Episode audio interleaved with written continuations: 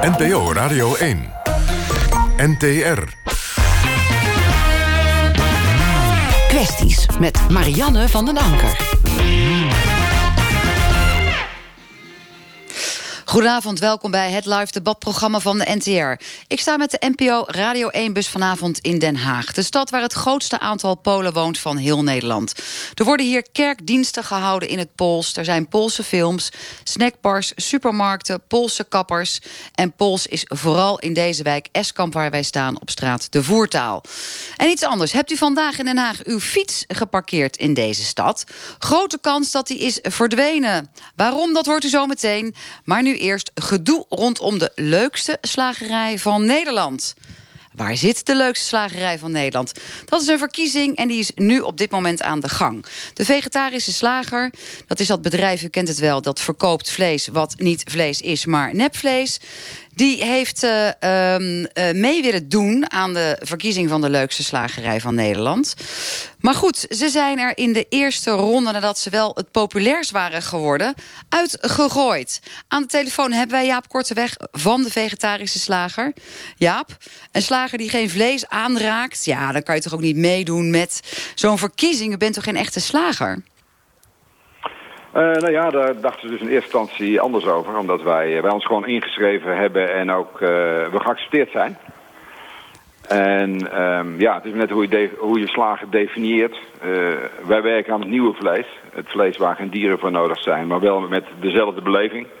een product wat ook door veel slagers ingekocht wordt en verkocht wordt. En in toenemende mate. Dus, um... dus u dacht, ik doe vrolijk mee. U hebt wel, ja. want daar zit het alletje onder het gas. Hè? U hebt meegedaan vanuit de restaurantnaam. Namelijk de uh, vleeslobby. en ja. daarvan zeiden de uiteindelijke organisatoren... van deze verkiezing van de leukste slagerij van Nederland... ja, dat is een restaurant en geen slagerij. Vindt u dat een steekhoudend argument? Nou ja, het is, uh, het, is natuurlijk net hoe het bekijkt. Het is een restaurant, maar ook een winkel. We verkopen er ook onze producten los. Hè. Dus, dus in die zin uh, is het ook een, uh, een vegetarische slagerij. Um, maar ik denk wat eigenlijk veel belangrijker is met zo'n wedstrijd... is dat je laat zien uh, van welke slager worden mensen nou enthousiast? Hè? Wie is de leukste slager van Nederland? Maar gaat het u dan, meneer Kortweg, om het leuk zijn? Dat het fijn is om in de winkel te komen? Of gaat het u er meer om dat u duidelijk wil maken... dat vegetarisch vlees ook net zo lekker en net zo goed kan zijn? En dus net zo leuk? Ja, hè, dat laatste. Dus, dus uh, kijk, het is natuurlijk altijd een complex uh, verhaal. Maar wij zijn natuurlijk een slager die inderdaad op een nieuwe manier vlees produceert zonder dieren. Direct van de basis. En er is ontzettend veel enthousiasme over. Hè. Veel mensen die willen graag uh, in ieder geval minder vlees van dieren eten. Om allerlei redenen vanwege duurzaamheid, uh, gezondheid, uh, dierenwelzijn. En, uh, en wat wij proberen is om die populaire vleesproducten zo goed mogelijk uh, te hacken, hè, te kopiëren. Nou, het is u en... natuurlijk nu ook weer gelukt om uh, stiekem mee te doen aan deze verkiezing van de leukste slagerij van Nederland. Gaat u er nog werk van maken dat, dat u alsnog wordt toegelaten? Of zegt u nou genoeg aandacht weer voor het vegetarische vlees? We laten dit lekker zitten. Ja, nee, we gaan daar zeker geen, geen gedoe over, over maken. Het ging ons er gewoon om, om te laten zien van uh, waar worden nou mensen enthousiast van. Hè? Kla klanten van, van de slager, klanten van vleesproducten. Wat vinden ze dan leuk? Daar ging het ons om. Nou ja, daar zijn we toch op deze manier ook in geslaagd. Het is niet zo dat we stiekem meegedaan hebben, maar ons gewoon opgegeven hebben als, als vegetarische slager. Dus er was helemaal niks uh, geheimzinnigs aan. En we zijn ook gewoon geaccepteerd. Maar we zijn eruit geknikkerd op het moment dat bleek dat we acht keer zoveel stemmen hadden dan de nummer twee. En dat, dat is wel een beetje jammer, denk ik, dat dat gebeurd is. Jaap, uh, dank je wel uh, voor dit moment. Jaap Korteweg uh, van de Vegetarische Slager. De gasten hier in onze NPO Radio 1-bus. Joris Wijsmuller, om maar eens met u te beginnen van de Haagse Stadspartij. Um, vegetarische Slager, waar denkt u dan aan? Nou, ik heb het toevallig vanavond nog gegeten. Dus dat waren kipstukjes, maar dan vegetarisch gemaakt van lupine. en als je dat lekker kruidt, dan is dat heerlijk. Begrijpt uh, iemand dat de vegetarische slager niet meer mee mocht doen... aan deze wedstrijd van de leukste slagerij van Nederland? Ja, ik denk als je je, kijken, John? Ja, ik als je echt uh, een slagerijwedstrijd hebt... Hè, waar het toch eigenlijk uh, in essentie om gewoon vlees draait... dat je dan wel uh, logischerwijs uitgesloten wordt uiteindelijk. Leuk dat zei, maar... zei John Witkamp van de LPF uit Westland. Dus u zegt terecht eruit gegooid. Ja, ja. Wat vindt u daarvan, uh, uh, meneer Rokurski? Uh, u bent arbeidsjurist. in, u gaat ook over een heel ander onderwerp met ons praten. Maar terecht dat zo'n vegetarische slager uit de wedstrijd wordt gegooid? Ja, elke, elke contest, elke wedstrijd heeft eigen reglement. En als zij niet aan, aan de voorwaarden voldoen... en dat bleek achteraf te zijn ja, dan... Dan, dan zegt de jurist in u... Ja, maar kijk, voor, voor, voor, de voor de vegetarische slager denk ik dat het vooral succes is... dat hij reclame heeft gemaakt. En nu, dat wij nu over vegetarische slagerij op de radio praten... dat is zijn grootste succes. En dat mensen uh, dit gehoord hebben. Het is uh, een, mooie, een mooie stunt in ieder geval... Uh, die de vegetarische slagerij hiermee heeft uitgehaald. In Den Haag, waar wij staan, zet je je fiets een half uurtje voor de winkel... en dan kom je terug en dan is die weg. Vervolgens mag je hem ophalen binnen 24 uur in de buurt. Kost je dan wel 25 euro. En daarna worden alle fietsen verplaatst naar een fietsdepot. En volgens een onderzoek van BNR zijn dat er in Den Haag... maar liefst 19.000. Daarmee is Den Haag ook koploperstad aan het weghalen van fietsen. U hoorde net al eh, van de Haagse Stadspartij Joris Wijsmuller. Ook Arjan Dubbelaar van Groep de Mos, die hebt u net nog niet gehoord, zit hier in de bus. Uh, Joris Wijsmuller, Den Haag is gewoon een fietsendief. Ja, daar ben ik ook wel van geschrokken. We wisten natuurlijk dat we in de binnenstad heb je weinig ruimte. Uh, het fietsbeleid in Den Haag is heel succesvol, want er komen steeds meer fietsers naar de binnenstad. Dat willen we ook. Uh, om uh, de stad een beetje begaanbaar te houden, is er ook een soort handhaving gaande. Maar die handhaving is wel een beetje doorgeslagen, want als er per jaar 19.000 fietsen worden weggehaald, en nou blijkt dat van die 19.000 maar liefst 17.000 door mensen niet worden opgehaald. Ja, hoe kan dat dan? Heb je daar een verklaring voor? Nou, omdat het voor veel mensen toch niet duidelijk is. Als jij je fiets in zo'n vak uh, parkeert... en misschien dat hij er door iemand anders is uitgezet... omdat iemand anders uh, die plek heeft ingenomen... en je komt terug en je fiets is weg... dan weet je dus niet waarom die weg is. En dan denk je, mijn fiets is gejat. Is het uh, u wel eens een keer gebeurd? Het is mij inderdaad ook een keer gebeurd. Het is vooral mijn kinderen gebeurd. en dan, ja, ik weet toevallig... u kent de route, dus met 25 route, maar dat euro geldt echt niet voor alle bezoekers van de binnenstad. en bovendien de Binkhorst en het depot... waar dan uiteindelijk de fiets naartoe gaan... dat ligt dus buiten het centrum. En daar moet je dan ook nog maar zien te komen. Dan moet je ook nog 25 euro betalen om nou, je fiets weer terug U bent het er in ieder geval niet mee eens. Uh, pikant detail is nog wel dat u in de vorige periode... meneer uh, Wijsmuller zelf wethouder was. Dit beleid is al langer gaande. Waarom hebt u daar toen iets aan gedaan? Nou, deze cijfers waren zo in de vorige periode nog niet bekend. Ik ben hier echt van rot geschrokken hoeveel fietsen er dus jaarlijks worden weggehaald. 19.000. En dan 17.000 uiteindelijk gewoon een andere bestemming moeten vinden. Nou, Arjen, uh, u bent er inmiddels van. Van Groep de Mos, grootste partij van, van Den Haag. Ja, onder uw verantwoordelijkheid valt het, meneer Dubbelaar. Ook nog fractievoorzitter van Groep de Mos. Wat gaat u eraan doen? Nou, in ieder geval werkt het beleid, dat blijkt. Want uh, er worden zoveel fietsen weggehaald die dus fout ge geparkeerd zijn. Uh, maar wat is dan het doel van het beleid? Want u zegt wel, het beleid werkt, het kan prima zo zijn. Maar wat is het doel? Wat wilt u uh, dat nou ja, We willen uiteindelijk een, een begaanbaar en toegankelijk winkelgebied hebben... in de mooiste stad van Nederland. Er komen heel veel mensen op af. En het beleid is in het verleden door het vorige college ingevoerd... om uh, een probleem aan te pakken wat er was. Maar wat, wat zijn dan zeg maar uh, uw beweegredenen om het nu vol te houden? Want u bent nu opnieuw aan de macht. Om het vol te houden is ja. omdat nou ja, het beleid werkt. Dit, dit, en dat, dat, dat is het even. En Zou heel Nederland dit moeten doen? Nou, ik denk niet dat het overal uh, nodig is. Maar je, je ziet dat bijvoorbeeld in Rotterdam heb je de koopgoot. Daar mag je ook je fiets niet stallen. Dat moet je ook gewoon in een uh, aangewezen stuk uh, doen. Dus in een fietsenstalling. in Den Haag hebben we... Nou ja, dat is destijds onderzocht. Maar u bent duur, want het kost 25 euro om hem weer terug te krijgen. En dat kan maar op een bepaald aantal momenten in de week. En het is ook nog eens een keer hartstikke ver weg, dat depot. Nou, dat is niet helemaal waar. Want in, binnen 24 uur mag je je fiets zelf nog ophalen in, in de stad zelf. Daar kan je bij wijze van spreken naartoe lopen. In het gebied, het is op loopafstand van het gebied waar dit, uh, deze handhaving van toepassing is. Uh, daar kan je binnen 24 uur terecht. En daarbij komt is dat, dat, dat, we miljoenen hebben geïnvesteerd. Ja, dat, dat staat overal borden die het, het vorige college ook opgehangen heeft. Nou, er wordt in ieder geval door meneer Wijs. Maar we hebben miljoenen uitgegeven aan fietsenstallingen in Den Haag. We hebben ondergrondse uh, fietsenparkeergarages waar je gratis je fiets mag neerzetten. Maar we hebben te weinig capaciteit. En het beleid was aanvankelijk bedoeld om met name de weesfietsen uit de binnenstad... want er is natuurlijk schaarste aan ruimte... om die weesfietsen weg te halen. Maar omdat dat er zo vaak wordt gehandhaafd... Uh, zijn dus ook goed bedoelende uh, burgers die daar een fiets stallen... en die misschien buiten een vak uh, terechtkomen... die zijn daarvan de dupe. En dat kan niet waar zijn. Dat is natuurlijk denk ik wel een punt wat meneer Wijsmuller maakt. Dat zie je ook veel in andere steden. De weesfietsen, die hangen daar maar gewoon... en die worden dan weggehaald, want dat zijn inmiddels oude wrakken. Maar iemand die gewoon keurig op de fiets... waar dan ook in Nederland ergens gaat winkelen... die doet het heel netjes, want die komt op de fiets. Goed voor de beweging. Geen uitstoot. En hier in Den Haag uh, word je meteen uh, bam weggeknipt. Nou ja, in Den Haag word je met open armen ontvangen. En daardoor hebben we hele mooie fietsparkeervoorzieningen. Uh, uh, op verschillende op hoeken van de straat kan je je fiets zetten... als je even snel een, bo een uh, boodschap wil doen. Als je langer in de stad wil verblijven... kan je hem in een gratis parkeergarage stallen, bewaakt. maar daar zijn er te weinig van. Oké, okay, want dat is natuurlijk dan nu... hoe gaan we de oplossingen hier verzinnen in Den Haag... en wellicht ook voor andere steden. U bent wel koploper in Den Haag. Hè? Dus en ten aanzien van het aantal fietsen wat niet wordt opgehaald... als het aantal fietsen wat weg wordt gehaald door de gemeente. Ja, we hebben jarenlang geen uh, beleid gehad... in het verwijderen van, uh, van weesfietsen door de hele stad. En die zitten ook bij dit cijfer. Dit is niet alleen de fietsen die in, uh, in het winkelgebied van Den Haag Centrum zijn weggehaald. Maar, en we zijn dat weesfietsenbeleid door heel de stad nu langzaamaan aan het uitrollen. Want je, iedereen kent wel... U vindt het geen burgertje pesten? Uh, nee.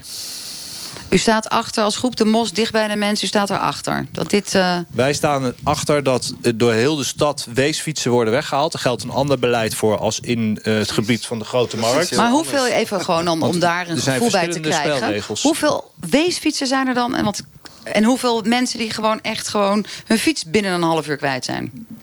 Dat is het centrum, bedoel je? In het centrum? Ja. die cijfers ken ik niet. Oh, Joris, heb jij erin verdiend? Want jij kunt. Nou, maar ik weet wel dat heel veel fietsen gewoon van mensen worden weggehaald. Dat zijn geen weesfietsen. die weesfietsen die kan je ook op een langere termijn. Dus dan, dan label je ze en dan haal je bijvoorbeeld een week later haal je ze weg. Want dan weet je zeker dat, dat ze van iemand zijn.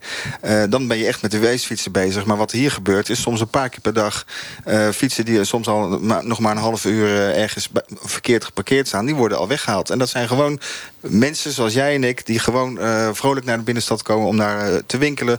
om daar uit te gaan en ineens is hun fiets weg en hebben ze een probleem. Ja, maar er, moet, er zijn verschillende uh, spelregels van toepassing. Je hebt spelregels in woonwijken... waarbij inderdaad een labelbeleid is op fietsen... die meer dan drie gebreken vertonen. Dus die dan hebben lekker banden. Ket... Eraan. Ja, en dan wordt die na, een meen na 30 dagen wordt die verwijderd. Nou, dat is, dat is het weesfietsenbeleid. Dus, en we hebben het beleid in het winkelgebied van het centrum van Den Haag. En, dat betekent dat je je fiets niet zomaar voor de bijenkorf neer mag zetten. En is het dan wat u betreft wel een goede suggestie van Joris Wijsmuller... om, zoals hij net al zei, meer fietsgelegenheden te maken... en het nou ja, ook wat volgens, makkelijker te maken om je fiets voor op te halen. Volgens de cijfer van de wethouder verkeer... onder het college waar meneer Wijsmuller zelf in zat... Uh, was er toen inderdaad een tekort aan fietsparkeercapaciteit. Daar is toen Precies. op geacteerd. Toen zijn er dus meer stallingen bijgekomen. Maar is, nog niet genoeg? Uh, Oké, okay, dat weet ik dus niet. Maar op dat moment was er een bepaald uh, tekort. Dat werd aangevuld. Uh, dat is toen gebeurd en toen is dat beleid ingevoerd. Helder. Laatste uh, woord aan u over deze fietsenkwestie, meneer Wijsmuller. Want u hebt natuurlijk een politiek plan. Wat wordt de inzet? Nou, de inzet wordt om in ieder geval uh, leegstaande ruimtes... die in de binnenstad er degelijk nog wel zijn... om die als pop-up fietsenstallingen in te zetten. Als pop-up fietsen? Oh, Oké. Okay. Ja, maar we willen ook vooral zorgen dat we echt weesfietsen bestrijden... en niet gewone fietsen. En ehm, ik heb dus daarom ook vragen gesteld aan het college. Het college moet opheldering verschaffen. Want al die fietsen, die worden voor de helft worden ze zelfs weggegooid. De andere helft oh. wordt verkocht. Kan niet waar zijn. Uh, dus daar moet echt ander beleid op gevoerd worden. Nou, we zijn heel benieuwd hoe dat afloopt. En of dat andere steden hier nog een voorbeeld aan kunnen nemen. Of aan het stringente beleid. Of wel aan de pop-up fietsenstallingen. We staan met de NPO 1 Radio Bus in Den Haag. Van alle Nederlandse gemeenten telt deze gemeente het hoogste aantal Poolse inwoners. 13.000 zijn het er hier. En er komen steeds meer laagopgeleide migranten uit Polen. Want zij doen werk dat onze eigen laagopgeleide Nederlanders vaak niet willen doen. Het beeld is, ze werken hard, klagen amper... en zijn ook nog eens een keer fors goedkoper. Volgens hoogleraar Paul Scheffer is het maar de vraag of deze migratie op langere termijn bijdraagt aan onze samenleving. Omdat deze Polen laag opgeleid zijn en de taal slecht beheersen. Moet Nederland eigenlijk nog wel gaan groeien, is de vraag die hij heeft gesteld. En die ga ik ook vandaag hier in deze bus stellen. Of is het bevolkingspolitiek, zoals dat dan natuurlijk heet... het mondjesmaat toestaan van EU-migratie... gewoon noodzakelijk om Nederland leefbaar te houden... en al die bedrijven aan werknemers te helpen? Moeten we de Nederlandse grens op termijn gaan sluiten... voor laag opgeleide Europese migranten? We gaan erover debatteren met deskundige lokale politici. En uh, een van onze gasten die is helaas net betrokken geraakt bij een ongeluk. Het schijnt uh, heel goed met haar te gaan, maar we wachten even af of dat zij nog in de uitzending mee kan doen. Um, om hier eens even te beginnen met een advocaat. Of eigenlijk bent u jurist, hè? Zo Ja, moeten we het ben noemen. U bent jurist. U hebt een, uh, een groot uh, uh, kantoor in Rotterdam. En u staat mensen bij, vooral Poolse mensen... die te maken hebben met slechte werkomstandigheden. Het beeld wat we net schetsten over de Polen. Werken hard, zijn bereid om laag betaald werk te doen. Um, klopt dat beeld, Francesco Rogurski? Ja, het, uh, het, uh, in het algemeen ja. Dus uh, Polen komen vooral om te werken naar Nederland. Het is vooral arbeidsmigratie. Mensen zien dat, in Nederland, dat ze in Nederland meer, meer kunnen verdienen. Het zijn niet alleen laagopgeleide. er zijn ook ja, uh, mensen met uh, een mastertitel die geen werk in Polen hebben. En die uh, naartoe komen. Ja, ik heb ook hoogleraren gezien die gewoon voor minimum tomaten aan het plukken zijn. Klopt het beeld ook dat ze veel overlast veroorzaken en veel zuipen? Nee. Nee, helemaal niet? Herkent nee, u daar nee, niets van? Nee, um, ik denk dat dit... Ja, dit is een uh, stereotype die uh, mensen graag terugzien. Uh, Nederlanders willen graag um, ja, een, een zondebok maar hebben. is het dan waar, echt een broodje aapverhaal? Want waar we ook komen, je kan de krant niet opslaan... of er wordt geklaagd over Polen die Ja. overlast veroorzaken. We Ja, waren recent nog in eh, Noordwijkerhout. ergens- Ja, je moet ergens over klagen. Uh, en een Pool die uh, slecht Nederlands spreekt... kan niet, uh, niet met grote bek terugvechten, denk ik. In, in zo'n gesprek, in zo'n debat met... Oh, ja, John Witkamp, u komt uit het Westland. U bent daar voor de LPF actief in de gemeenteraad. Zitten wij nou met z'n allen een verkeerd beeld te hebben van de Polen? Zuipen ze niet? Veroorzaken ze geen overlast? Nou, ik denk dat iedere concentratie van uh, inwoners, of, of dat nou arbeidsmigranten zijn of wat dan ook, die uh, zeg maar toch in een bepaalde situatie terechtkomen, hè, waarbij uh, vaak de taal niet spreken of een andere zin, zeg maar, ja, het lastige huisvest kan wel eens voor overlast zorgen. Wij hebben op verschillende gebieden in het Westland hebben we echt wel overlast. Zichtbare overlast en die mensen hebben gewoon een Poolse nationaliteit. Dus het is geen klagen. Het zijn gewoon soms gewoon ja, de feiten die er liggen. Uh, vaak is dat zo dat van een afstandje dat gebagatelliseerd wordt. De mensen die daar omheen wonen, die hebben daar wel degelijk last van. Maar het is wel zo dat in zijn, in zijn totaliteit moet je het ook weer niet gaan overdrijven. Als je kijkt hoeveel Polen er zijn en je zet dat dan af tegen de overlast... Hè, dan, dan komt dat inderdaad vaker voor omdat de concentratie groot is. Maar het is ook weer niet zo dat het een onoverkomelijk probleem is. Hoe uh, is dat hier? Want we staan in Eskamp, 13.000 uh, Polen wonen er hier. Toch een uh, relatief klein stukje van, uh, van uh, Den Haag. Um, overlast, meneer Dubbelaar? Soms. En hoe komt die overlast, hoe bereikt u die als uh, raadslid? Nou, ik ontvang wel signalen dat in bepaalde wijken hier uh, uh, overlast is van, van dronken Polen. Ja, dat, dat, zal, dat zal ik ook niet ontkennen.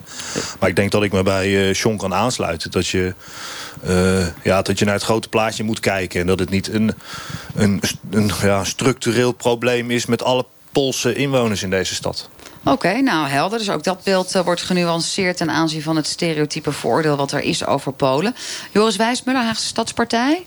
Is het een stereotype dat Polen laag opgeleid zijn, Nederlands uh, slecht spreken en uh, voor overlast zorgen? Ja, dat is een stereotype. En je kan ook zeggen dat uh, het Westland bijvoorbeeld ontzettend veel te danken heeft aan de arbeid die Polen daar leveren. En het Westland daar wel bij vaart. dus wat dat betreft zijn er heel veel meerdere kanten aan het feit dat die mensen gewoon hard werken. En waar de overlast soms wordt waargenomen, heeft het vaak te maken dat er geen onvoldoende woonruimte is. En dat er dan bijvoorbeeld sprake is van overbewoning. En, en op elkaar gestapeld En dat wonen. hebben we in de stad wel vaker aangetroffen. Daar hebben we ook beleid op gevoerd. Uh, we moeten zorgen dat we meer en dan met name betaalbare woonruimte in, in de stad, maar ook in het Westland bijvoorbeeld realiseren. Om oh, te zorgen... er komt meteen een politiek puntje. Ik voel het al aankomen, want Den Haag die vangt ze nu op en ze werken in het Westland. Dus u moet meneer Witkamp maar straks eens even gaan antwoorden als we het over huisvesting hebben. Of dat u wat gaat, gaat bouwen ervoor. Meneer Rokurski, hebt u zelf vanwege uw Poolse achtergrond wel eens last van een negatieve bejegening of benadering? Ik niet. Ik, uh, uh, ik ben zelfstandig ondernemer. Dus ik, en, ik werk voor mezelf. Ik, heb, ik stel geen banen. Nee. U stelt geen banen? Nee, ja, ik bedoel, niemand, niemand kan over mij klagen, denk ik. Over, ja, niemand heeft last oh, van mij. Oh, u bedoelt, u stelt geen banen omdat u banen inpikt van Nederlanders? Ja, dat bedoel ik, ja. Ik, maar hoezo zegt u dit? Nou ja, in gebieden waar heel veel Polen werken... Um, ja, ze, doen, uh, ze werken heel veel in, bijvoorbeeld in, in uw gemeente, in Westland. En, uh, en elke kwekerij is, uh, denk ik, ja, 90% Pools. En dit, dit is werk die geen Nederlander wil doen. Maar dan is er geen sprake van werk inpikken. Dan is het nee. meer zo dat Nederlanders het niet willen nee, doen. Nee. Hoe komt het zo dat u dan toch zegt... wij stelen geen banen? Nou ja, ik, ik dit is... Um, in correlatie tot, uh, tot, uh, tot de stereotypen dat er overlast is. Ja, je kan zeggen, oh, soms overlast. Als je, je hebt 13.000 Polen in deze wijk. Stel je hebt... Ja? Of, de, gemeente, stad 13.000 en hier in deze de, okay, wijk 13.000 Polen. Stel je, hebt, je, je, je, maakt een dorpje van 13.000 Nederlanders. Daar heb je ook overlast. Daar heb je alles, alle soorten mensen. En het is onmogelijk om, om een groep van 13.000 mensen gewoon dat, dat, dat ze gewoon voorbeeld zijn uh, om dit te verwachten van, van, van ze. Binnen uw, meneer Rokuske, binnen uw rechtspraktijk ondersteunt u vooral Poolse arbeidsmigranten die ofwel via een uitzendbureau worden uitgebuit of anderszins slecht worden betaald. Um, ja, dan heb je natuurlijk alleen maar te maken met negatieve ervaringen. Stoort zich daar wel eens persoonlijk aan hoe er met Polen wordt omgesprongen? Uh, niet, niet, meer. Ik, uh, ik, doe, uh, ik doe mijn werk zo professioneel mogelijk. Ik, ik, doe, ik probeer emoties opzij te leggen... en mijn cliënt in elke individuele geval zo goed mogelijk helpen. helpen. Maar dat was, als ik u zo beluister, noodgedwongen. Want anders zou u elke dag stuiterend door uw kantoor gaan. Uh, ja, we hebben, we hebben eigenlijk superveel cliënten. Elk, uh, elke cliënt is ontevreden. Dus uh, wij horen alleen over slechte uitzendbureaus. Goed, de, de, goede de werknemers van goede uitzendbureaus worden van, geen cliënt bij ons. Wat is het meest schrijnende wat u de afgelopen jaren... dat u werkzaam bent in deze business hebt meegemaakt? Uh, ja, er zijn uh, best veel dingen. Maar uh, bijvoorbeeld ontslaan iemand in proeftijd met terugwerkende kracht. of, dat soort ja. niet vrolijke aangelegenheden. Ja. Um, liefst 80% van de Polen die hier in Nederland is... spreekt geen of slecht Nederlands... en bijna de helft heeft nauwelijks contact met Nederlanders. Eerder deze week spraken we met een hulpverlener... Kamila Pocircek... en met de Poolse psycholoog Marta Uchanska, Uchmanska, ik zeg het verkeerd, excuses... over taalproblemen van Poolse migranten. De meeste Poolse mensen werken gewoon uh, in Poolse gemeenschap. Uh, en werken ze meer uren dan uh, normaal gebruikt is. Dus uh, in plaats van acht uur werken ze tien à twaalf uur. En ja, hebben ze geen tijd om te gaan leren. Wat ik in, in mijn praktijk hoor is dat ze het graag zouden uh, willen leren, maar dat het een groot dilemma is, omdat je uh, moet werken om je vaste lasten te kunnen betalen. En tegelijkertijd ja, moet je toch vrij nemen om, om de taal te gaan leren. Het kost ook wel tijd. Je leert het niet uh, in één week, het kost misschien soms zelfs twee jaar. Maar meeste mensen die ik ontmoet werken via uitzendbureau. En dat is heel lastig om uh, daarvoor vrij te krijgen. Problemen. Meestal is dat door dat ze correspondentie binnenkrijgen waar ze helemaal niet begrijpen. Hebben ze ook geen tijd om ergens naartoe te gaan om te vertalen of te vragen wat aan de hand is of wat moet ik nog inleveren. bijvoorbeeld bij Belastingdienst moet je je inkomen wijzigen of moet je je toeslagpartner aangeven. en ja, en dan een liftobrief en moeten ze iets terugbetalen. Pas als krijgen ze rozenbrief, dus dwangbevel, dan komen ze pas eigenlijk bij iemand terecht.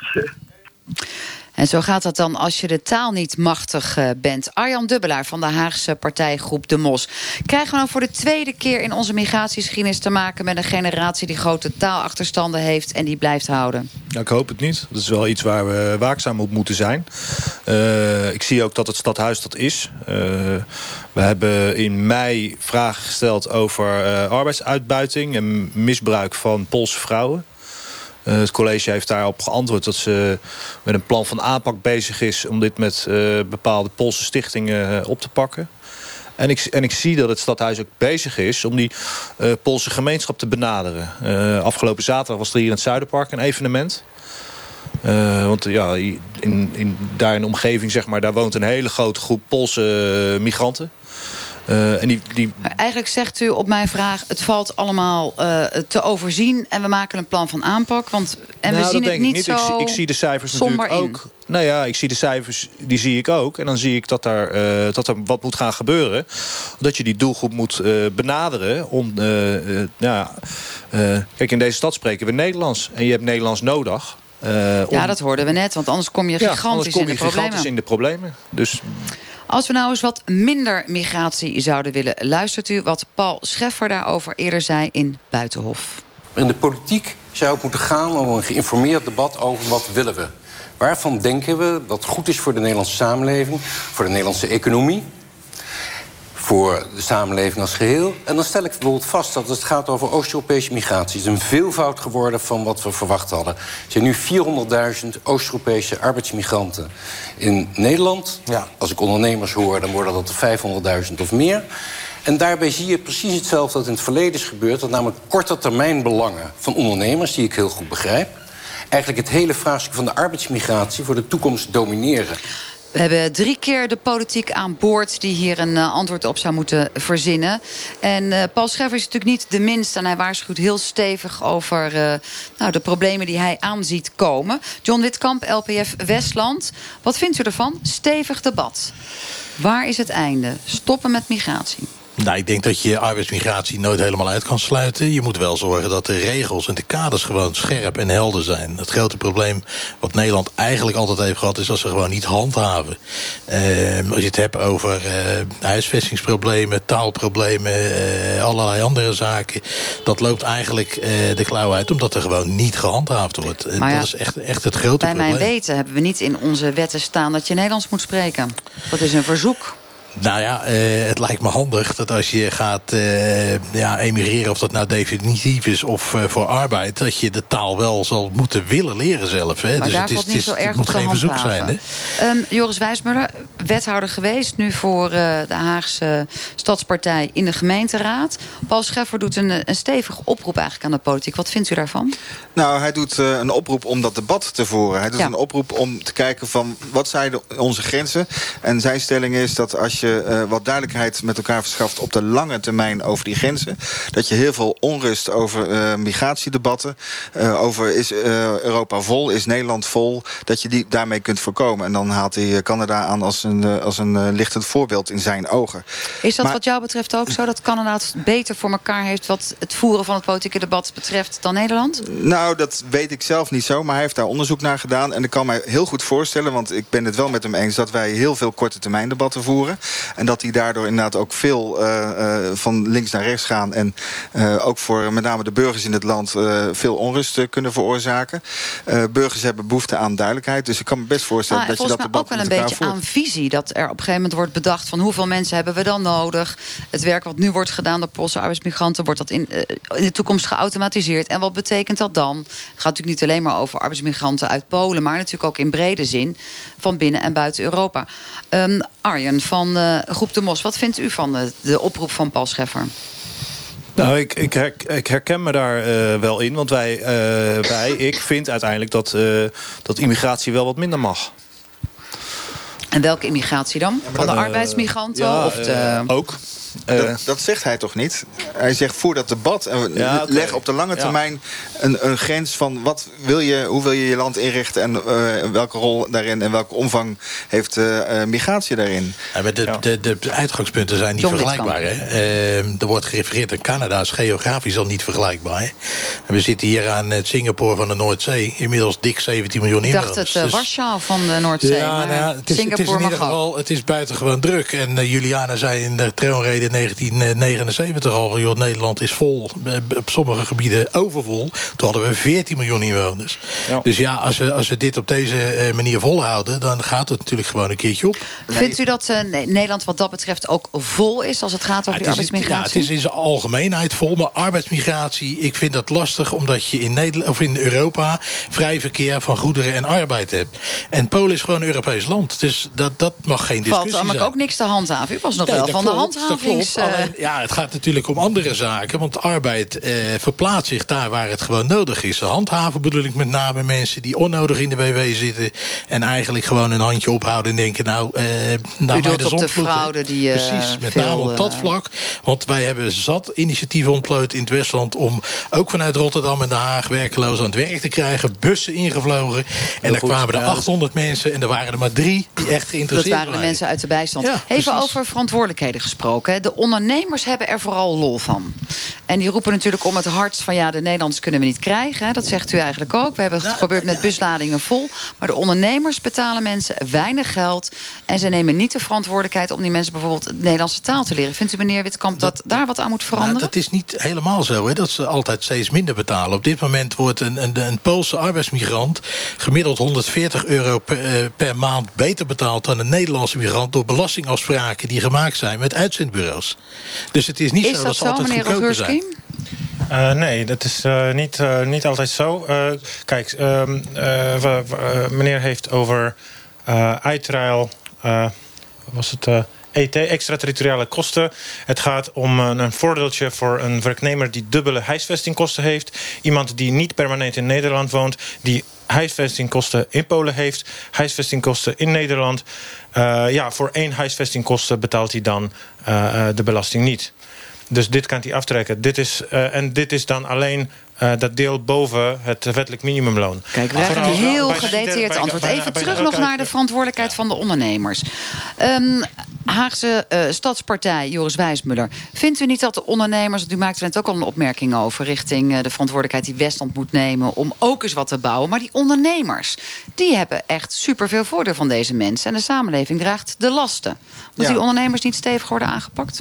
Ja, nou, zeker als het gaat om de arbeidsomstandigheden. Uh, daar moeten de, uh, de ondernemers zeker uh, op worden aangepakt. En als mensen inderdaad ontzettend veel uren maken... ook heel afhankelijk zijn. Wat je vaak heb, ziet is dus dat mensen ook afhankelijk zijn... van hun werkgever of van hun uitzendbureau voor de, voor de huisvesting. Dus dat brengt mensen al heel snel in een kwetsbare positie. En daar moeten we inderdaad wel heel streng op zijn. Maar Arjen hebben, baat van, bij, we hebben welvaart van mensen die allemaal werken. het Westland is een hele belangrijke economische factor voor heel Nederland. Uh, en uh, het zijn met name Polen die daar heel veel arbeid verrichten. Dus daar moeten wij ook, niet alleen de ondernemers... maar moeten we gewoon als samenleving moeten we daar uh, beleid op maken. Nou, ik denk niet dat we daar heel erg Don veel over van mening verschillen. wij hebben net een beleidskader arbeidsmigratie en, en huisvesting aangenomen in de gemeenteraad... waarin we ook daar duidelijk kader stellen over hoe dat dan ingericht moet worden. Want wij willen ook spreiding hebben daar waar het huisvesting betreft. Dus meer op bedrijfsterreinen mogelijkheden maken om dat te doen. Er zijn genoeg voorbeelden in Nederland. Horst aan de Maas heeft het bijvoorbeeld prima geregeld. Een goede woonverordening, goede controle, dus dat kan. Uh, en anderzijds is het zo dat de, de Westlandse ondernemer echt wel probeert... om van alle kanten die arbeid ingevuld te krijgen. Maar hij komt nu van één kant ook aangereikt. En dat is gewoon een, een feit, daar kunnen we niet zoveel mee. En tegelijkertijd is het natuurlijk ook een feit... dat er in Nederland heel veel mensen in de bijstand zitten. En het lukt kennelijk niet om die match te maken... maar wel om arbeidsmigranten hier naartoe te uh, trekken... die natuurlijk een financieel voordeel hebben... omdat het in hun eigen land minder uh, goed toeven is dan hier in Nederland. U zei net, uh, Arjen de Blaar... dat immigratie zou eens een keer wat uh, gestopt mogen worden. De verantwoordelijkheid van ondernemers hierin. Want die laten dit allemaal voortbestaan. Ja, ja, klopt. klopt. Uiteindelijk gaan we op lokaal niveau natuurlijk niet over het stoppen van migratie. Dus, we, ja, dus dat is een landelijk thema waarbij de, of de landelijke politiek daar eens een keer een ei over zou moeten leggen. Wat hebt u dan nodig van de landelijke politiek? Nou ja, wat ik zeg, ik denk dat Den Haag uh, vol aan het raken is. Uh, en dat we aan bepaalde limieten zitten in, uh, in, in, nou, in bepaalde wijken. Je kan gewoon niet meer huizen bouwen. Of je moet nog meer de hoogte in. Of je moet, ja... Nou ja, of toestaan dat ze met z'n tienen in ja, een kleine maar dat levert dan mogen. weer andere problemen met zich mee. Ook met bestaande bewoners die dan al in die wijken zitten. De parkeerplekken zijn er niet. We hebben hier bijvoorbeeld in wijken Rustenburg-Oostbroek. Daar is 40% is Pols. Maar waarom verplicht u dan niet alle ondernemers in het Westland of de, de nou ja, whatever, vraagt u aan de landelijke politiek... dat daar waar mensen werken, mensen ook uh, gehuisvest nou ja, moeten worden? Ik, dit, het zou goed zijn, denk ik, als de gemeente Den Haag... wat meer uh, samenwerkt met de collega's in, uh, in het gemeente Westland. Want er wordt net verwezen naar een proef... waarbij bijstands, mensen in de bijstand uit Rotterdam naar het Westland getrokken werden... dat dat niet goed gegaan is. Ja, wij en zien toch allemaal het nieuws gehaald. Ik geloof dat er zes mensen waren Ja, die uiteindelijk daar aan Ja, hebben klopt. overgehouden. En het Eh. was ook vooral, zeiden de ondernemers... Ja. dankzij de belabberde werkmentaliteit van de mensen die in Rotterdam in de bijstandsuitkering eh, bakken zaten. Ja, maar ik wil niet Den Haag ik wil Rotterdam niet met Den Haag vergelijken. Eh, maar ik zie wel kansen liggen. Waarbij wij in Den Haag natuurlijk gewoon ook veel jongeren hebben... die eh, werkeloos thuis zitten en do- dolgraag aan de bak willen. Dus ja, 1 en 1 is 2 zou je dan zeggen. Paul Scheffer, we hadden het net al even over een van zijn eh, oproepen die hij heeft gedaan. Die pleit er ook voor dat werkgevers verplicht taalles gaan verzorgen. We vroegen de mensen op straat of dit wel of geen goed idee is. Ja, dat lijkt me wel logisch. Want als zij niet Nederlands spreken, dan wordt het moeilijk om hier te werken. Ja, daar ben ik niet mee eens. Eh, is een eigen verantwoording en op zich kunnen we ook Engels. Als ze dat kunnen, dan lijkt me het ook prima. Ehm, als ze Nederlands willen leren, dan kunnen ze dat ook buiten hun werkgever om regelen. Ja, eens. Eh, gewoon als je, hier, eh, als je hier komt, moet je gewoon de taal spreken, punt. Is het niet ook een beetje afhankelijk van het werk wat ze doen? In hoeverre ze echt Nederlands moeten kunnen en eh, de, de aard van het werk en hoe lang blijven ze daar? Als je terugkijkt in de geschiedenis... De, kwamen de, de Turken, de Spanjaarden, de eerste Italianen en de Spanjaarden. Nou, die hebben, zijn aardig geïntegreerd of weer teruggegaan. Maar de Turken en de Marokkanen zijn gebleven. En er is toch een hele grote groep die geen Nederlands of heel slecht Nederlands praat. Dus als ze hier willen blijven, moeten ze de taal leren. Francisca Rogurski, u eh, eh, bent jurist en in het verleden bent u zelfs verkozen als jonge pol van het jaar. Nou bent u niet een, een ondernemer die de aardappelen, groenten en fruit zit, maar u bent jurist. U hebt niet heel veel mensen voor u werken die onder slechte omstandigheden soms uitgebuit eh, worden, hoop ik. Eh, sorry? Hoop ik? Nee, u hebt samen met een andere collega hebt u rechtspraktijk. Eh, ja, we werken eh, met z'n tweeën. Ehm, wat vindt u? De ondernemers, zouden die veel meer moeten investeren... zich verantwoordelijk moeten voelen... misschien zelfs verplicht gesteld moeten worden... om het Nederlands te leren aan de Ik Polen? denk dat dit eh, te ver gaat. Eh, Polen, zijn, eh, Polen is een Europees land. Wij, wij, hoeven, wij mogen in Nederland werken op, op basis van artikel 45 VV-EU.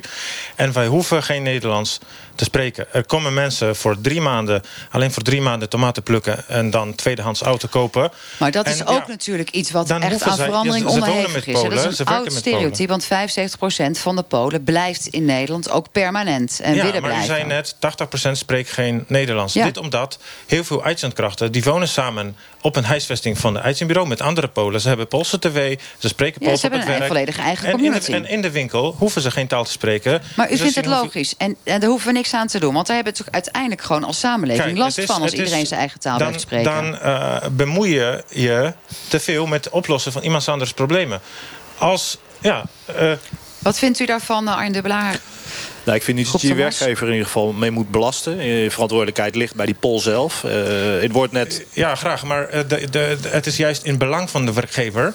om deze werknemers afhankelijk eh, te houden. Ja, ja, dat ligt eraan natuurlijk in welke Dan- functie ze- je Maar, de taal nodig huh? hebt. Maar je- Hoezo afhankelijk te houden? Betekent mondige mensen gaan andere eisen stellen? Nou, eh, ehm, eh, Po- Polen die Nederlands spreken, die gaan zelfstandig worden. Die gaan niet meer eh, eh, betalen voor huisvesting van eh, 100 euro per week met z'n tienen wonen op een, in een huisje voor eh, een familiewoning.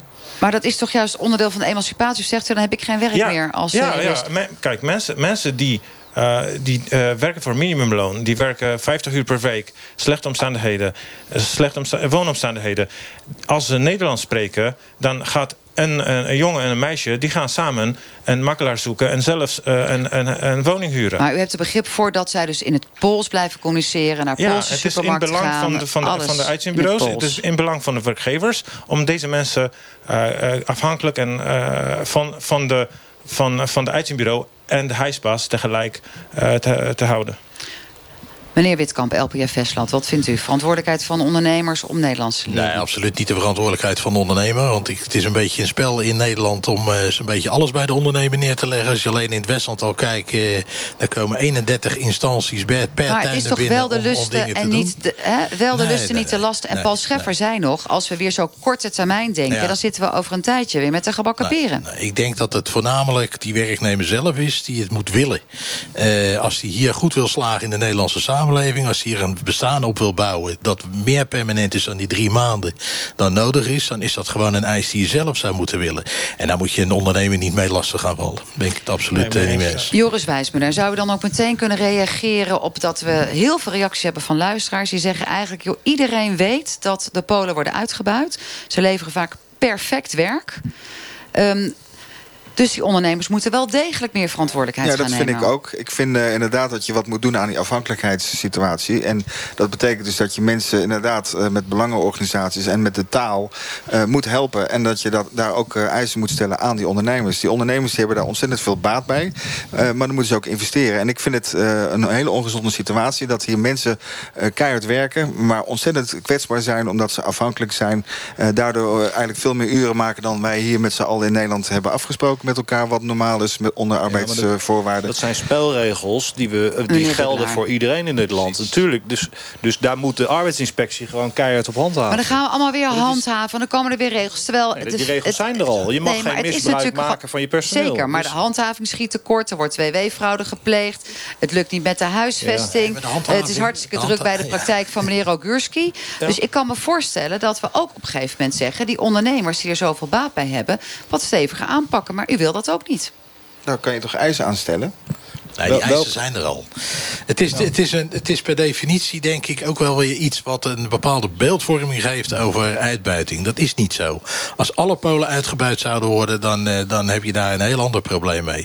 Eh, pak gewoon eventjes die, eh, die malafide uitzendbureaus aan. Die veroorzaken het grootste probleem. Ook bij ons in het Westland. Daar zijn ook gewoon koophuizen waar een verdienmodel op zit. Als je daar 10 Polen in zit, wat je al zegt, 100 euro per week, dan verdienen ze daar 4000 euro per maand op. Ja, dus zo ga je natuurlijk ook huizenhandel nog eens een keertje gebruiken voor dit soort zaken. Dat willen we niet. En zo draait het uiteindelijk allemaal weer om het geld. U luistert naar kwesties. We staan met de NPO Radio 1-bus in de Haagse wijs Eskamp... waar polstervoerstel is op straat.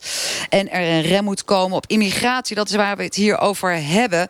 Ehm, veel van de hardwerkende Poolse migranten die komen dan ook in de financiële problemen. We hadden het net al over hoe kunnen we het stoppen... maar ze hebben zelf ook onvoorstelbaar veel financiële problemen. Hoe dat komt, hebben wij gevraagd aan Marta Ochmanska. Ik denk dat het eh, het vaakst komt door de niet snappen wat in de brieven staat. En of misschien ook niet weten wat hun rechten en plichten zijn. Want als je niet weet als ZZP'er dat je eh, per kwartaal eh, moet afrekenen met de, eh, met de Belastingdienst... dan krijg je het eh, uiteindelijk wel eh, met de boete terug. Meestal is dat door, kregen ze te laat loon of kregen ze minder loon. of toevallig moeten ze op een jaar naar Polen toe, want hebben ze begrafenis of iets in Polen. En ja, dan komen ze meteen in financiële problemen, ja. Heel vaak zie ik ook mensen die al met schulden die in Polen hebben opgebouwd naar Nederland zijn gekomen in de hoop dat ze hier toch meer geld kunnen verdienen en die schulden in Polen af te lossen.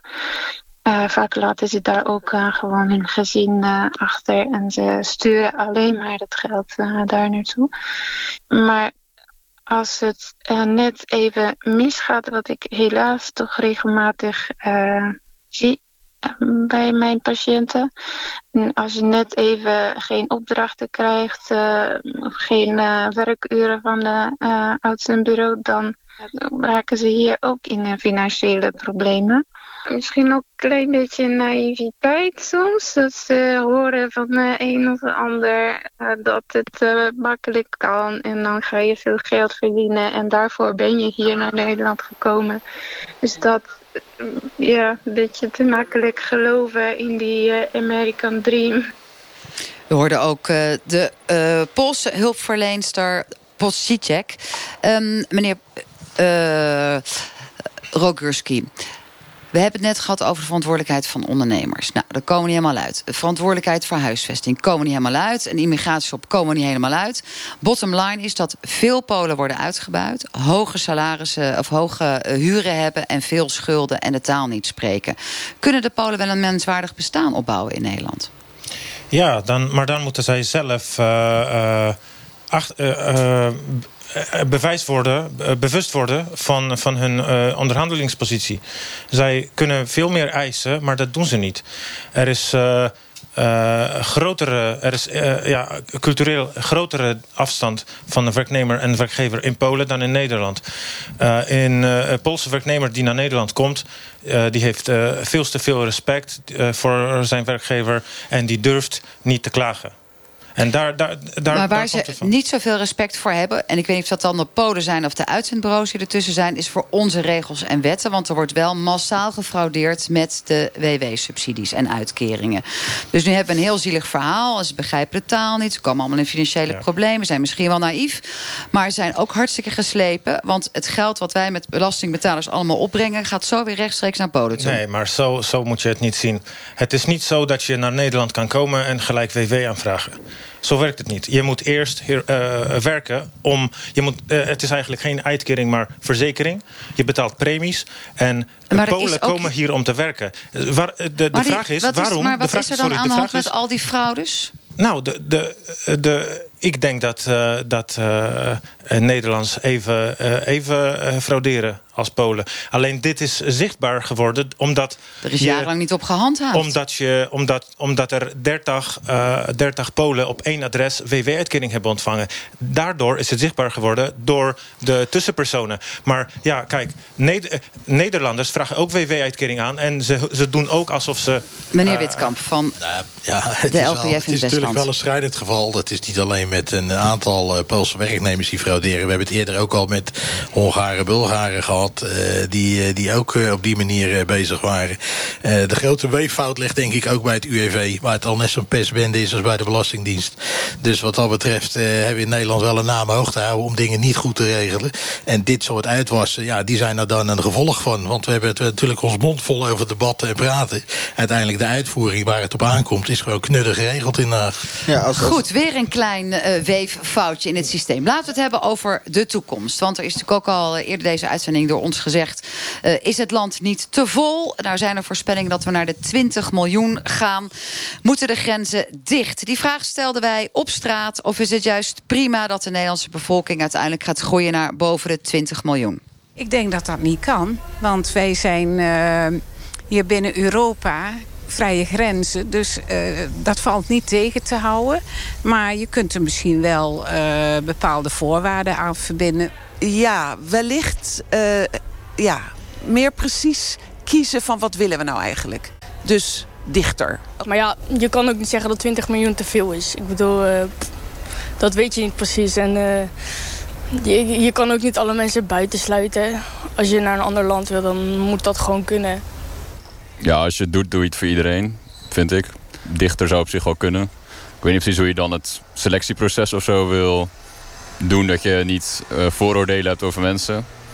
Maar uh, op zich is minder mensen niet een slecht idee, omdat we wel een vrij klein land zijn. Uh, mijn vermoeden is dat als het te vol wordt, dat mensen wel weer zullen vertrekken. En dat heet migratie en dat doet men om redenen. Als het hier vol loopt, we kunnen niet meer rijden. mensen vertrekken vanzelf alweer. Groep de Mos, Arjen Dubbelaar. U zit echt te knikken van nee, die ja, mensen zijn echt gek geworden. Ja, wie vertrekken er dan? De mensen die het kunnen betalen. Dus, dus de, je kapitaal vlucht aan je land uit. U zei net al, het moet wel stoppen. Voor je het weet word je beticht van rassendiscriminatie... als je dit soort dingen vindt. Maar de feiten oh. zijn wel... Nee, dat wordt natuurlijk heel okay. snel gesuggereerd. Als je de grenzen dicht wil doen, dan ben je voor je het weet ja, aan discrimineren.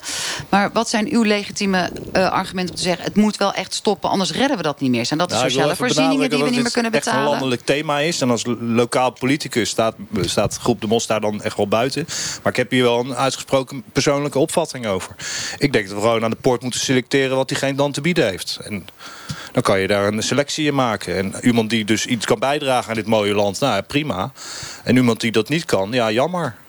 Ja, dus de laag opgeleiden die zijn dan de dupe. En als ze geen Nederlands spreken, komen ze wat u betreft ook niet meer zo ja, makkelijk in. we- we- we- kijk, in mijn huis passen ook niet, op een gegeven moment niet meer mensen. Dus dan kan ik ook niet zeggen van nou, kom met z'n twintig man gezellig bij mij thuis logeren. Want dat past niet. Maakt zich ook zorgen over de sociale voorzieningen die we nu hebben... en die Nou ja, wellicht in de knel gaan zie je ook. Je komen? wil het natuurlijk betaalbaar houden. eh, Pensioenen. eh, Ik, ik- ja, ik, ik lees natuurlijk ook veel het nieuws. En dan zie je dat alle kosten stijgen. De zorgkosten stijgen. De, nou ja, dus om dat in controle te houden, ook voor de lange termijn... moeten we daar inderdaad wel op landelijk niveau eens een keer goed over na gaan denken. Ja, en als ik jullie allemaal beluister, hebben we ook heel veel handhavers nodig... voor al die wetten die we hebben afgesproken en die nu worden gehandhaafd. Joris Wijsner, Haagse Stadspartij. Wat vindt u eh, een idee voor de toekomst? Grenzen dicht, immigratie selectief maken, zoals eh Nou, dat aantal van Groep de Mos 20 zegt? miljoen, eh, dat is echt onzin. Dat is een eh, getal wat is genoemd door de heer Latte eh, ervan uitgaande... dat er voortdurende hoogconjunctuur zijn. En als dat het geval zou zijn, ja, dan zou Nederland eh, naar de 20 miljoen eh, inwoners kunnen doorgroeien. Eh, maar dat is natuurlijk niet de reële situatie. Eh, we hebben hier, en als het gaat om wat vol is, is dat echt een relatief begrip. We hebben hier in Den Haag in de jaren 60 hebben we meer dan 600.000 inwoners gehad. Ja, Eh, vandaag de dag, kelders, vandaag hebben we de dag hebben we er eh, 535.000. Dus hier kunnen echt nog veel meer mensen wonen. Maar waar het om gaat, is dat eh, ook Ja, mensen gaan we zo met, direct nog even... met een lager, lagere opleiding... die zijn hier juist heel erg gewend. Want dat zijn wel de bouwvakkers die we nu missen. Dat zijn wel de mensen die inderdaad in het Westland werken... waar we nu eh, zwaar behoefte aan hebben. Dus het is een beetje gek om te zeggen dat daar nu in Maar waar een grens zou ik dicht- toekomst liever op inzetten... om al onze eigen laag opgeleide mensen... die nu in de bijstandsbakken zitten... aan dat soort werk te helpen? Of zegt u laat ze maar binnenkomen, want we hebben er nu behoefte aan? We hebben die mensen hartstikke hard nodig. Die leveren een hele belangrijke bijdrage aan onze welvaart. Meneer Rokuski, hoe luistert u naar dit debat? Nou, ik denk dat, eh, dat je dit aan de markt moet eh, overlaten.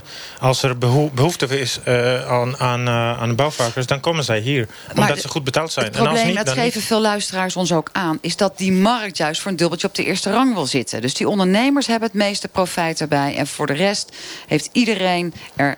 Wat dat betreft Ja, minder plezier van de Polen eh, niet. als- De mensen die in de omgeving wonen niet. Als ondernemers eh, eh, profiteren, dan profiteert de samenleving. Ondernemers eh, eh, betalen belasting en die belasting zie je Ja, terug maar je in... de- moet wel een stukje regu- regu- Meneer de regulatie daarop toela eh, op toelaten. Want je ziet dat er... eh, wij hebben wijken waarbij de jeugd... dat 40% van die jongeren onder de 25 werkloos thuis zitten. Eh, ja, die kan je natuurlijk ook gewoon een vak leren. Nee, maar die ja, kan je ook over- 20 geven. jaar, die kan je ook 50 jaar opleiden tot. Over Daar het- hoeft, daar hoeft niet iemand vanuit Polen te komen om hier een wandje te stukken. Over 50 jaar of 20 jaar heb je nog meer werklozen onder jongeren. Er is, eh, ja, alle werk wordt geautomatiseerd en we hebben gewoon steeds minder werk. En ik denk dat binnenkort alleen, eh, alleen eh, ondernemers blijven, overblijven. Oké, nou dat is een lekker gezellig eh, scenario. Wat ook niet zo'n gezellig scenario is, daar zijn we deze uitzending mee gestart... is dat veel van de Poolse mensen in hun eigen community leven... en zo weinig contact hebben met Nederlanders zelf. Hoe kunnen we dat gaan veranderen? Want dat vinden de veel van de Polen zelf ook niet heel plezierig. Hebt u Ja, daar een idee van, meneer Rogurski? Ja, ik denk dat het van beide kanten moet komen als...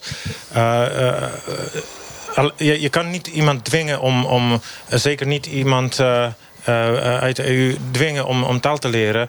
En mensen die Dat is afhankelijk nu zijn... al maar de tweede lekker, keer dat u dat zegt. Mensen niet dwingen. Maar je wilt toch ook als je hier Ja. komt wonen... en permanent gaat Tuurlijk. wonen, toch de taal leren? U hebt dat ook gedaan. Tuurlijk, maar dat, is, dat heb ik gedaan omdat ik het wilde doen. En niet omdat iemand heeft mij... ja, nie- niemand verplichtte mij om, om een, om een eh, taalkursus te maken. Ik heb, het, ik heb het zelf gedaan omdat ik het wilde. En, en als ik het niet zou willen, dan, dan zou ik het niet, eh, niet doen. Nog één eh, laatste eh, poging om vanuit het Westland nog landelijk iets te betekenen. Wat moet de landelijke politiek doen? Heel kort. Landelijke politiek moet eh, zorgen dat er een, toch een schifting komt aan de grens... voor wat wij nodig hebben en wat bijdraagt aan de, aan de maatschappij. En dan is het wat u betreft nu, als je naar de markt kijkt... laag opgeleid niet en als je geen Nederlands spreekt niet. Nou, dat, is, dat zijn wel voorwaarden, ja. Helder. Nou, tot zover deze uitzending van kwesties vanuit Den Haag, vanuit Eskamp. Hebt u nou een kwestie die voor ons in de bus relevant is? Stuurt u dan een mail. Zo direct kunt u luisteren naar Radiodoc over Luc, de vegetarische ecstasy-gebruiker. Tot volgende week, zondag. En dank u wel voor het luisteren.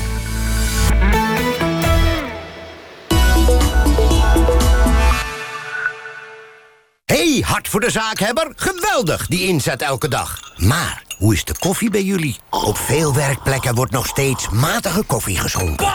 Tijd voor actie! Ga naar meld.matigekoffie.nl. Start je petitie en maak kans op een Pelican Rouge koffiebar. Strijd mee voor goede koffie. Met de groeten van Selecta. Even stilte. Een mooi moment om stil te staan bij waar je nu staat. Hoe ga je verder? Wat houdt je tegen? Tijd om vragen te stellen vind je overal. Het antwoord vind je in jezelf. Kijk op vindhetantwoordinjezelf.nl. Een initiatief van Apostolisch Genootschap. Ga naar meld.matigekoffie.nl en start je petitie met de groeten van Selecta. De mooiste antwoorden vind je samen met anderen. Daarom organiseren we ontmoetingen bij jou in de buurt. Van zelfbewustzijn tot leven met verlies. Vind de tijd en meld je aan op vindhetantwoordinjezelf.nl. Bol.com heeft groot ingekocht, dus profiteer jij 10 dagen lang van superdeals. Met alleen vandaag de Ring Video Deurbel 2 voor maar 179 euro. Nu met gratis deurbelgong. Ga dus snel naar bol.com.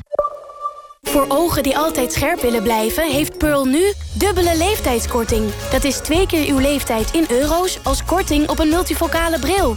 Breng uw ogen eens langs. Zal ze goed doen. Happy Eyes. Pearl. Bekijk de voorwaarden op pearl.nl.